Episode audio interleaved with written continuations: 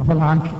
إذا خرج المسافر من بلده بعد دخول وقت صلاة تجمع مع ما بعدها هل له تأخيرها بعد خروج وقتها ليجمعها في وقت التي بعدها؟ نعم.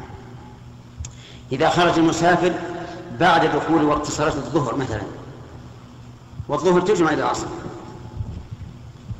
فله إذا خرج أن يجمع ويقصر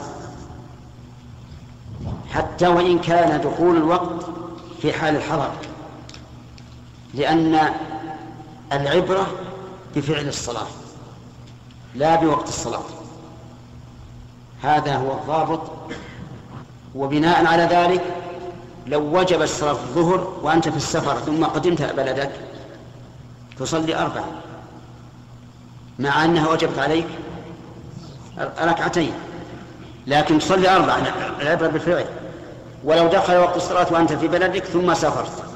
وصليت في البر صليت ركعتين لأن العبرة بفعل الصلاة. نعم.